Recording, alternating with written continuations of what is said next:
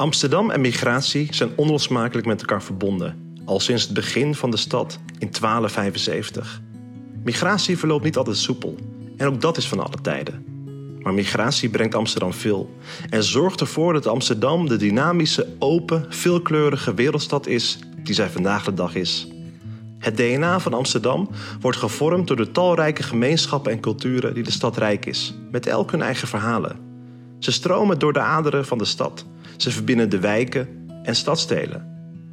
Amsterdam Stroom deelt verhalen van Amsterdammers met verschillende achtergronden. Verhalen uit het verleden, over het heden en de toekomst.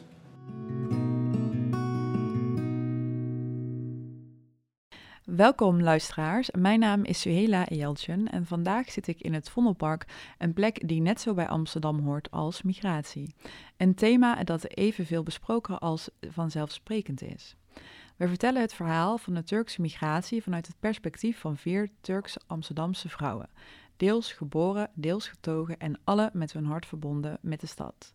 We praten met elkaar over het stereotype beeld van de Turkse vrouw, de vele andere minder belichte perspectieven en de invloed die het verlaten van geboortegrond op identiteit heeft.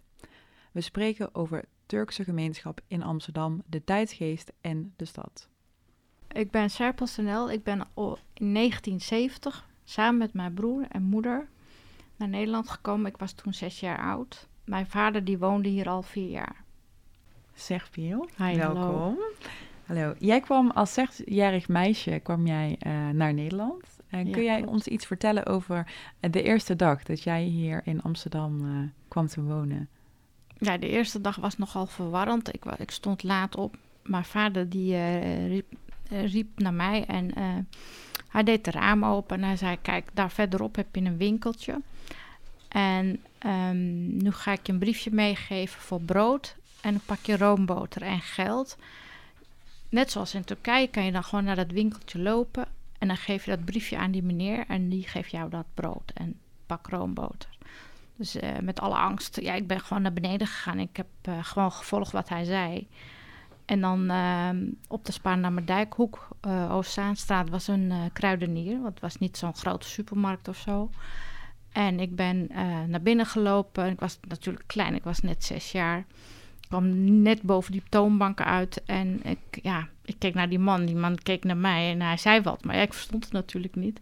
Toen is zijn vrouw, of die dame die daarbij was, die is naar mij toegekomen. En die pakte het briefje en die zag, ja, pak roomboter en eh, brood. En zodoende was dat mijn eerste boodschap en mijn eerste woorden. Je eerste woorden waren brood en roomboter. Ja. ja. Klopt. Waarom eh, denk je dat je vader het belangrijk vond om jou op die leeftijd al uh, op pad te sturen en met zo'n opdracht? En wat zegt dat over de rest van zijn opvoeding?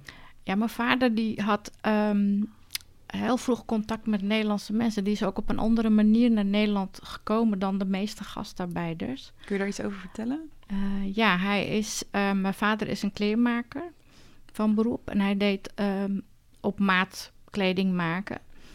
En toen hij in Istanbul was tijdens zijn dienstplicht, uh, kwam hij in aanraking met een Nederlandse, dat was een directeur, bleek achteraf van Coutura, confectiecentrum Coutura in Amsterdam En die zei, um, die wilde wat maat pakken. En zo, hij moest wat maatpakken maken. En toen kwam, van het een kwam het ander. Toen heeft hij, hij was daar eigenlijk om stoffen te kopen in Istanbul. En nou ja, zodoende heeft hij hem uitgenodigd om naar Nederland te komen. En hij bood zijn woning, zijn zolderverdieping aan om daar te verblijven. Mijn vader is, heeft daar vier jaar gewoond en na vier jaar zijn wij dus uh, oh. gehaald.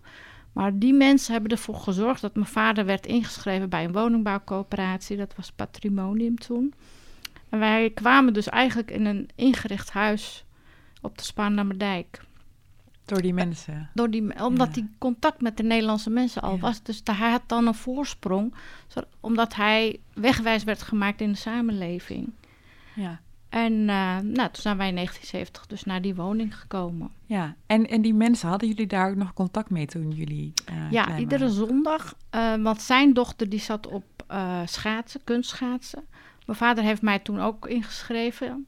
Nooit schaatsen gezien van mijn leven in Turkije.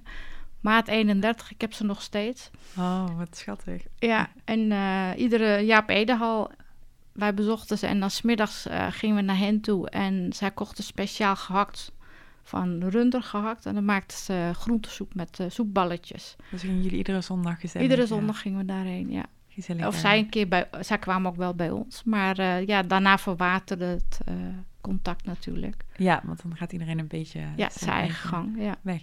Ja, en uh, want je zegt, je vader vond het heel belangrijk dat jullie verschillende activiteiten deden ook. Is dat goed als ik dat zo zeg? Van, je bent gaan schaatsen. Ja, um, hij was ook wel gericht op de, de Turkse traditie in de zin... Hij was niet traditioneel, maar wel dat wij ook de Turkse taal goed konden spreken... Maar ook dat we wat meekregen van de Turkse uh, cultuur. Zo was er in de Bellamystraat een culturele centrum. Daar werd 23 uh, april gevierd. De dag van de, uh, dag van de kinderen uitgeroepen door Atatürk. Dat vond hij belangrijk. En toen heeft hij... Hij ging daar iedere zondag heen. Maar ook naar de bioscoop in de Haarlemmerstraat. Daar, daar uh, vertoonden ze films in de middag, Turkse films... Nou, dan nam je ons mee, iedere zondag. Of het een of het ander ja, werd dus er dan gedaan. Belangrijk dat je alle twee de cultuur heel, goed, uh, ja. heel goed meekreeg. Ja. ja. En mijn broer die moest op basketbal, want hij vond het ook wel belangrijk. Ga je op basketbal doen? Dus, dus hij zat best wel in die, um, in die culturele samenleving, zeg maar. Ja. Nee, heeft dat jou veel gebracht? Uh, als je zo kijkt nu, nu ben je ouder, dat je als kind al zo actief uh, was? Ja, nou ja, in de buurt werden we wel soms ook weer door de Turkse gemeenschap een beetje buitengesloten. Omdat we, ja, ik denk, uit, uitvielen of zo. Dat je net iets anders was ja. of zo? Ja. Ze, heel lang hebben ze ook gedacht dat we Spaans waren of zo. Mijn Oh. moeder had wel contact met Turkse dames hoor. Daar had ze wel contact mee. Maar dat is pas veel later gekomen. Dus de eerste drie jaar hadden ze met ik denk eigenlijk alleen maar contact met die Nederlandse mensen. Ja. En weinig met Turkse mensen. Alhoewel ze wel mensen hebben geholpen om in huis te nemen. Die geen beschikking hadden over woonruimte. Oh, dus jullie heb- hebben eigenlijk gedaan wat die andere mensen voor jullie ook weer hebben gedaan. Ja, Teruggegeven. ja, die ene kamer die werd dan eh, besteed aan die mensen. Dus mijn vader heeft heel veel mensen geholpen om eh, gezinnen samen te brengen. Oh, wat mooi. Ja. Ja. gewoon weer iets teruggeven eigenlijk is dan de boodschap voor je ouders. Ja. Ja, mooi. Dankjewel, zegt Leo. Dit verhaal maakt onderdeel uit van de podcastserie Amsterdam stroomt. Luister via Spotify naar de andere verhalen. Amsterdam stroomt. Amsterdam deelt haar verleden en Amsterdam deelt haar toekomst.